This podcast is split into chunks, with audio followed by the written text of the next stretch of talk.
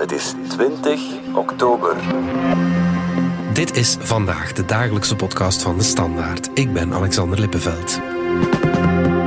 Like a Virgin Vogue Material Girl. Wie kent ze niet, de grote hits van Madonna? Verguisd door de een, op handen gedragen door de ander. Maar hoe dan ook, het meisje uit Michigan groeide uit tot de Queen of Pop. Hoe werd ze een muziekicoon? Wat kan ze met haar 65 lentes vandaag nog betekenen? En loont het de moeite om zaterdag naar het Sportpaleis te trekken voor haar Celebration Tour?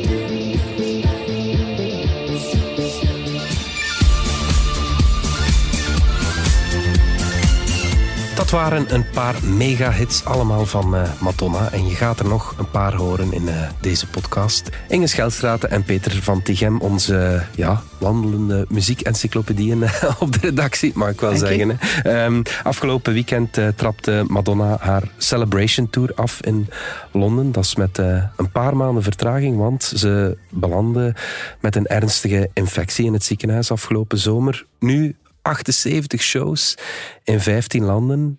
Veel mensen vragen zich af, kan ze het nog? Ja, ik denk het wel, omdat Madonna heeft zichzelf altijd heel goed verzorgd met ehm goede medische begeleiding en eh, fysieke paraatheid. Maar het belangrijkste argument is dat eh, deze tour sterk verschilt van de grote tournees die zij tussen 2007 en 2015 of 18 ondernam, omdat die tournees op veel meer plaatsen gespeeld werden. Ah ja. Ook in Azië, in eh, Zuid-Amerika en zo. En deze tournee is enkel in Europa en Noord-Amerika. En het valt heel erg op dat zij heel veel dubbels doet. Dus zij doet twee, drie, vier concerten op één plaats. Ja. Terwijl ze in die jaren die ik daarnet vermeldde, heel vaak één concert op één plaats deed. En dus heel veel reisde. En iedereen die al eens een muziektournee meegemaakt heeft, weet dat de vermoeidheid vooral komt van het reizen Ja. en veel minder van het optreden, omdat het optreden eigenlijk een kick heeft. Laat ons eerlijk zijn, ze is 65, dat is ook nog niet stokoud natuurlijk. Hè. Eh, ja, het is niet alsof ze 105 zijn, maar, maar de vraag natuurlijk, kan ze het nog? Ja. Ook al toen ze nog maar in de twintig was, eh, kwam het altijd terug van, kan ze dat wel of kan ze het nog? Ja. Dat is zo'n beetje een terugkerend refrein. Ja. eh, Waarom? Als, als Mag je dat vragen? doet. Waarom? Omdat ik denk dat ze begonnen is in een periode dat het nog niet zo gewoon was voor een vrouw om gewoon te tonen wat haar ambitie was Mhm. en wat ze niet wilde doen. Mhm. Eh, wat een kwestie was waar niet alleen vrouwelijke popsterren, eh, maar toch wel vooral vrouwelijke popsterren veel mee te maken kregen. Met mensen die zeiden van eh, dit is het genre dat je moet doen, dit zijn de titels die je zou moeten zingen en zo. Ja. Terwijl Madonna toch wel van in het begin vrij goed haar zin heeft gedaan, denk ik. Deze tour, die Celebration Tour, die kiest expliciet voor een ja, terugblik op de openingsshows in Londen. Vorig weekend dan werden bijna 50 songs eh, gespeeld. zijn weinig setlists met 50 is songs, eh, veel, ja. denk ik. Hè. Maar we kunnen wel stellen, Madonna heeft muziekgeschiedenis eh, geschreven. Hè. Absoluut, ja. ja ik bedoel, wie, wie heeft er zoveel hits? Want, want het zijn op de koop toen nog allemaal hits eigenlijk, uit die 40 jaar. Er zijn nog artiesten die zo'n lange carrière hebben, maar eh, waar er dan toch een paar meer dips in kwamen. Ze heeft, ze heeft echt, eh, echt wel heel, heel veel gedaan. Ja. Eh, Laat ons die hoogtepunten eens overlopen. Wat zijn de key songs in het Madonna-repertoire? Oeh, ehm, ik zie Madonna eigenlijk al vooral als een figuur die de dansmuziek op de kaart gezet heeft. Zij heeft eh, 50 nummer 1 hits gehad in de Amerikaanse dance charts. Dat is gigantisch. Dat is, eh, geen enkele artiest heeft ooit zoveel hits in één specifiek genre gehad. En eh, daar zit het dus. Ehm, ik haal daar weinig specifieke nummers uit, omdat ik vind, zeker geleidelijk aan, dat haar nummers ehm, format werden, die ze eigenlijk eh, liet eh, voor een stuk maken door producers en eh, naar bepaalde modus, die ze soms zelf heel vroeg ontdekte, maar pff, waar achteraf gezien ehm, niet zoveel nummers nu echt als sterke nummers uitkwamen. Ah, ja. Als u mij vraagt naar mijn eh, favorieten, dan wil ik gerust zeggen dat ik Into the Groove nog altijd heel leuk vind.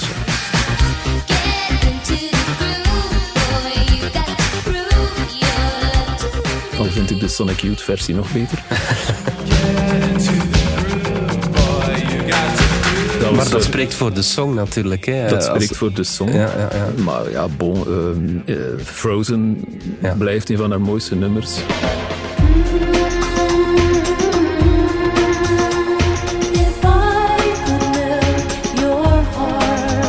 Maar evengoed, die hypnotische deep house eh, nummers als Deeper and Deeper en zo.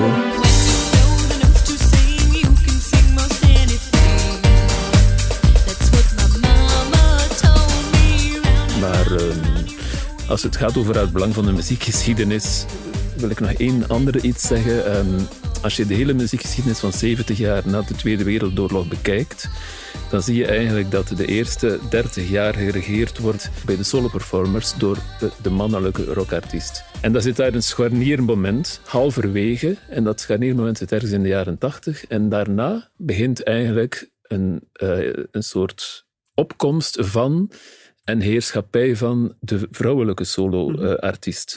En Madonna zit knal op dat scharniermoment in de jaren tachtig.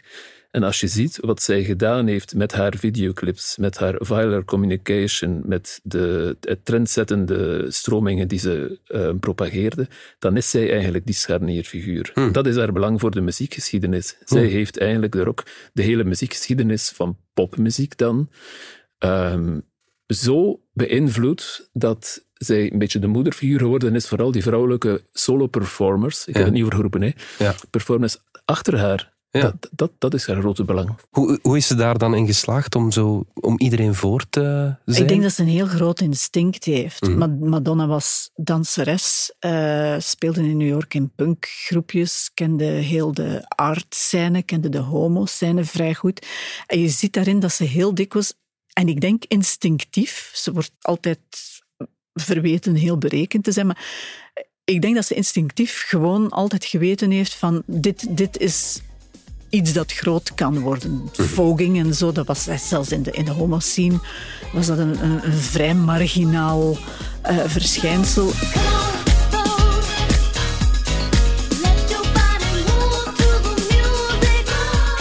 En dan moet je nu kijken als je televisie aanzet en je begint te zappen. eh, je komt overal elke avond wel een versie van RuPaul's Drag Race eh, voorbij en zo. Dat, dat, dat ja, is onze zoiets dat ze wist. Gustav op het Eurovisie Songfestival Precies, bijvoorbeeld ja, ook. dat, ja. Dat, zo, zo, dat soort dingen, popcultureel, heeft ze, ze heeft echt een heel goede neus ervoor. Ook voor mensen en voor talent. Ze heeft gewoon een neus voor dit, dit zou het wel eens kunnen worden. ja, is ze ook gewoon heel goed in het eh, verzorgen van haar eigen PR. Ja, maar dat is verder dan PR. Dit is harde business, eh, muziek, in, zeker in de Verenigde Staten. En zij komt dus toch wel op in een periode dat vrouwen sowieso al geen macht hadden en wellicht ook voor een stuk ehm, moesten dansen naar de pijpen van een mannelijk establishment, laten we het een patriarchaat noemen. En zij heeft daar toch haar weg in gebaand en toch fameuze deals afgesloten, die echt historisch zijn in de muziekgeschiedenis hoor. Ik denk nu bijvoorbeeld aan haar deal met eh, Live Nation in 2007, een deal voor tien jaar, waarin zij het verkreeg van Live Nation dat zij per plaat van Live Nation, dus een, een concertorganisator, hè, 30 miljoen dollar kreeg per plaat. Ja. Plus nog eens 90% van de inkomsten van de tickets voor alle tournees. 90 procent. En dan moet je maar eens kijken op eh, Wikipedia naar de tournees van Madonna en de inkomsten. Hoe sinds die deal van 2007 de inkomsten verdubbelden. Hè? Ja, ja, ja. ja. Maar dan is ook, zijn ook die tournees veel uitgebreider geworden. En niet toevallig kwam ze toen plotseling ook naar België. Maar, ehm, maar ja, ze heeft dat toch maar geforceerd. Hè? Ja. Dus in, eh, in een tijdperk. En ik zie geen enkele man die zoiets gekregen heeft. Dus dat is een groot belang. En je ziet ook dat een Taylor Swift bijvoorbeeld heel Ja. goed gekeken heeft voor haar eigen deals en het uitbouwen van haar carrière. Daarom is ze ook zo de laatste jaren zo hard tekeer gegaan over van ik wil mijn masters, Ja. eh, ik wil daar de film die Taylor Swift nu gedaan heeft, 57% van de inkomsten daarvan zullen naar haar gaan. Dat is gigantisch veel. Mhm. Ja, dat- er is dat- geen regisseur die, dat, die dat haalt. Mhm. En, en Taylor Swift is geen regisseur, die heeft een regisseur aangesteld ervoor.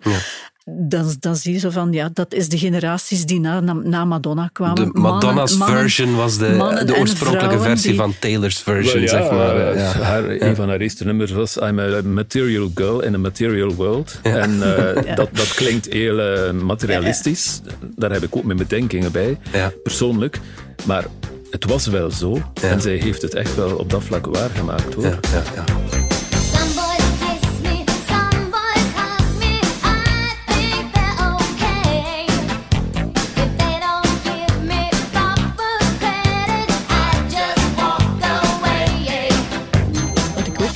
zou willen aanstippen, bijvoorbeeld van het feit dat Madonna niet de beste zangeres is die er rondloopt en niet de beste songschrijver, alhoewel ze aan songs heeft meegeschreven. Ze heeft trouwens ook het eh, normaler gemaakt als je iets aan een song verandert, dat je daar dan ook een deel van de auteursrechten van krijgt. Ja. Maar ze is wel een, een combinatie van talenten die een zeer aantrekkelijk pakket is voor een popster. Ze is een heel goede danseres. Ze kan niet zo goed zingen als sommige zangeressen, maar ze, ze trekt zich uit. Ze kan acteren. Ze is een zakenvrouw. Dat samen heeft, denk ik, ja, toch wel... eh, je kunt niet zeggen dat ze talentloos is. En de combinatie van haar talenten hebben haar inderdaad, zoals Peter zegt, een, soort, een nieuw soort popster gemaakt die zichzelf als merk neerzet en die heel goed weet van waar ga ik de komende tien jaar mijn geld aan verdienen en wat moet ik daarvoor doen. Ja, als er één ding is waardoor ja, niet-fans haar kennen, zeg maar, dan is het wel de controverse die ze soms teweeg brengt. Ik denk spontaan aan de, de kus met Britney Spears op de, wat was dat, MTV Awards, de eh, MTV denk ik. Awards, ja. Is dat ook een deel van haar succes geweest, die, die, die controverse? Want er zijn nog grotere voorbeelden natuurlijk. eh. Wel, ik denk dat eh, in ehm, het massacommunicatiemedium dat popmuziek uiteindelijk is, artiesten eigenlijk... Het is een goede oefening om hen terug te brengen tot één kernwoord. Zo kan je bijvoorbeeld Bruce Springsteen terugbrengen tot solidariteit. Hè? En U2 tot intimiteit. Bij Madonna gaat het om seks. Lichamelijkheid. Ja. Dat is natuurlijk seks zelfs. wanting, needing, waiting for you to justify my love. Ja, ze heeft ook zelfs een boek dat, en dat is seks niet- heet. Hè. Ja, Ja, ja, ja. En, maar dat is niet sensationeel bedoeld, want allee, ik, ehm 83, ik was 23 toen zij opkwam.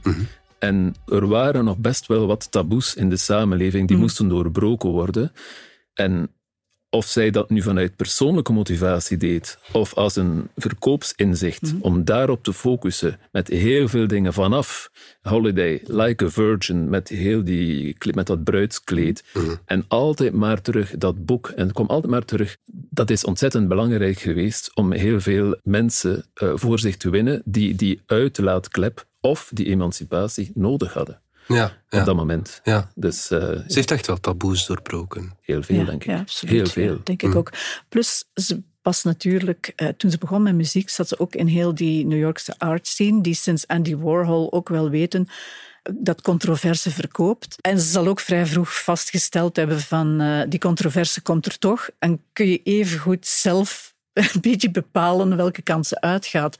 En ook als het heel veel over je lijf en je seksualiteit gaat, ja, dan is het misschien wel leuker om zelf te bepalen wat je gaat doen en hoe je je gaat positioneren en hoe je mensen gaat een beetje tegen de haren instrijken dan, dan dat ja, ergens een, een manager die al jaren niet veel voeling heeft met de popwereld en van jonge mensen dan, dat die dan voor je gaat bepalen en dat je iets doet dat al gedaan is. Ja, taboes eh, doorbreken, dat gaat natuurlijk ook gepaard met controverse.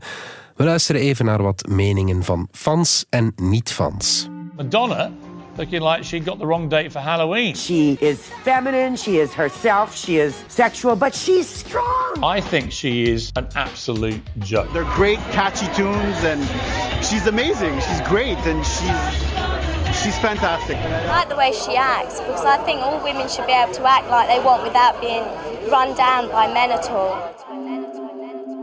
Hoe heeft ze die controverse kunnen overleven?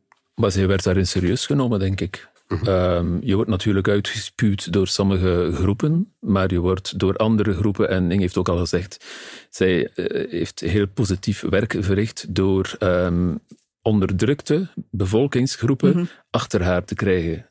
In die tijd vrouwen, maar ook ehm, zwarten, eh, Latino's en de hele gay community op alle vlakken. Ja. Dat zijn groepen die eigenlijk altijd belangrijker geworden zijn in de samenleving. Precies, en ja. wat is dan de kip en het ei? Laten we zeggen dat zij wel haar steentje bijgedragen heeft om hen hun zelfwaarde beter te laten inzien. Door hen op tournees mee te nemen, in videoclips te laten, altijd Mhm. maar weer te tonen en zo. Dus eh, dat is eh, een manier om het te overleven. Je wint gewoon aan een achterban en er Mhm. ontspint zich een discussie en jij staat in het centrum van de discussie. Dat is altijd goed om te overleven. Ehm, Madonna is ook een van de figuren die volgens mij in de geschiedenis van de popmuziek het meest bestudeerd geweest is op academisch niveau. In de jaren tachtig was dat nog zeer ongewoon dat de universiteiten een popartiest als een onderzoeksveld namen.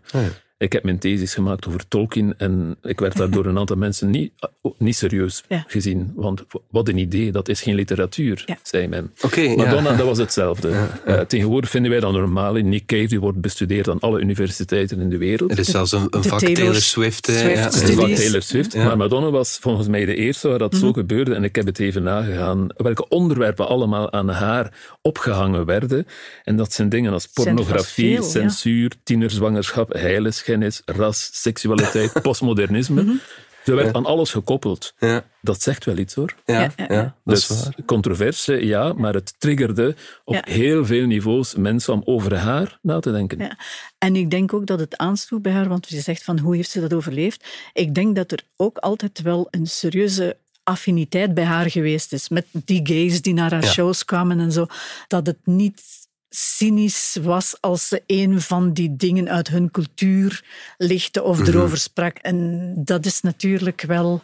Ja, Dat is de manier, denk ik, om als popartiest om met of artiest de koer om met controverse om te gaan. Er moet ergens een bodem zijn waarvan je voelt van die meent dat echt, die heeft affiniteit en met die mensen en die wil hen een stem geven. Die kijkt er niet op en neer. ja, want het kan ook helemaal mislopen. hè. Denk maar aan Sinead O'Connor, die ja, ook de controverse opzocht. Ja, eh, haar carrière was daarna Veel moeilijker. eerlijk- George Michael wel- eigenlijk ook, hè, die, die Ja, wel. gay-icoon. En, en, Ja. en, Maar Sinead was veel onhandiger, denk Ja. ik, in het, ehm, in het communiceren. Dat is een van de grote verdiensten van Madonna. Ze is een uitstekende communicator. Ehm, zij was eigenlijk een meester, meesteres in dit geval, in wat wij nu viral communication noemen. Ja. Maar ze deed het op een ambachtelijke manier. Er was geen internet, er waren geen sociale media, maar er waren boxjes. En er was MTV. Toen MTV opkwam, sprong ze erop Ja. om het te gebruiken op alle mogelijke manieren. En dan de pauzes tussen grote sportwedstrijden, overal waar je zichtbaarheid kon krijgen. En het belangrijkste medium was nog televisie toen, was ze daar. En dat toont ook weer haar sterkte. Als die ergens iets wilde. Ik heb ooit eens met 10 minuten mogen met Nile Rodgers eh, praten. Die de haar tweede van album... eh, Chic. eh, ja, andere. de, ook producer Ja, en tuurlijk, ja, songschrijver. de- ja, ja. Die heeft haar tweede album geproduceerd. Dat was haar grote doorbraak. Uh-huh. En eh, die zei dan, that girl doesn't take no for an answer. Uh-huh. En als nou Rogers dat al moet zeggen. Hij- ze heeft hem gestalkt, gestalkt, gestalkt, tot hij niet meer anders kon dan ja zeggen, oké, ik zal je album Like Ja. a Virgin, was dat, produceren, waar dan een stroom hits op stond. Ehm, en, en dat heeft haar doen doorbreken. Maar het, het was typisch Madonna, hoor. Zelf zei ze in 2016 dit over die controverse ja, die ze soms teweeg brengt. People say that I'm so controversial, but I think the most controversial thing I have ever done is to stick around. Straks kijken we even naar die eh, Celebration Tour van Madonna die dit weekend in Antwerpen landt. Maar eerst gaan we er even uit voor reclame. Ben jij ook verslingerd aan podcasts? Kom dan op 10 en 11 november naar Cursaal Oostende voor de tweede editie van het podcastfestival van De Standaard. Op de affiche live-opnames, talks en luistersessies van de grootste podcasts uit binnen- en buitenland. Waaronder Nerdland Podcast, De Volksjury, Gossip Guy, De Stemmen van Assisen, De Kunst van het Verdwijnen, Audiocollectief Schik, The Legend of Cillian en uiteraard zijn wij er ook met DS Vandaag, Radar en La Croix, Ik Was Gangster. Kortom, een feest voor het oor. En jij kan erbij zijn. Alle info en tickets op dspodcastfestival.be. Peter Inge, terug naar eh, jullie en naar Madonna natuurlijk. Deze tour heet de Celebration Tour. Het is een greatest hits show. Je zou kunnen denken dat het een eh, afscheidstournee is. Ja. Eh, er zijn redenen om dat te denken, ja. Celebration is het eh, woord dat vooral opvalt in haar eerste hit, Holiday. Mhm. We gonna have a celebration. En dat ze er dan zou gebruiken om eh, die 40 rond jaar te af te maken, sluiten op haar leeftijd. Ik denk dat het een eh, mooi idee is eigenlijk. En ehm, ik wens het daar eigenlijk ook wel toe. Dat ze nog enkele hele mooie jaren heeft. Ja, ehm, bedoel, dat zijn massa-ondernemingen, eh, zulke tournees. Meestal hangen die samen met een nieuw album. Dit is in dit geval niet het Niet het geval. geval. Het is ook de eerste keer dat het een soort eh tournee is die al haar beste momenten probeert samen te brengen. Dat is ook nieuw voor haar, want ik heb drie eh, concerten van haar gezien en die waren altijd heel thematisch uitgewerkt. Ja. En eh, zeker ehm, de MDNA-tour met heel haar Kabbalah-zaken was theatraal ongelooflijk eh, uitgewerkt, bijna onverstaanbaar, met videofragmenten, met heel, heel, heel obscure verwijzingen, chockvol eh, context eigenlijk. Ik heb de indruk dat dat nu helemaal niet het geval is. En als je dan kijkt naar de Rebel Heart Tour van 15 en wat daarna kwam, dan zie je wel een soort persoonlijke intimiteit binnensluiten in haar platen en in haar tournees. Een beetje meer over zichzelf zingen. Allee, dat is nog niet helemaal privé, maar ze laat toch wel ergens een soort opening, een soort verzachting eh, toe. Ik denk, eh, en, en, en als je die lijn dan doortrekt, dan zou dit een mooi eh, afscheid kunnen zijn. We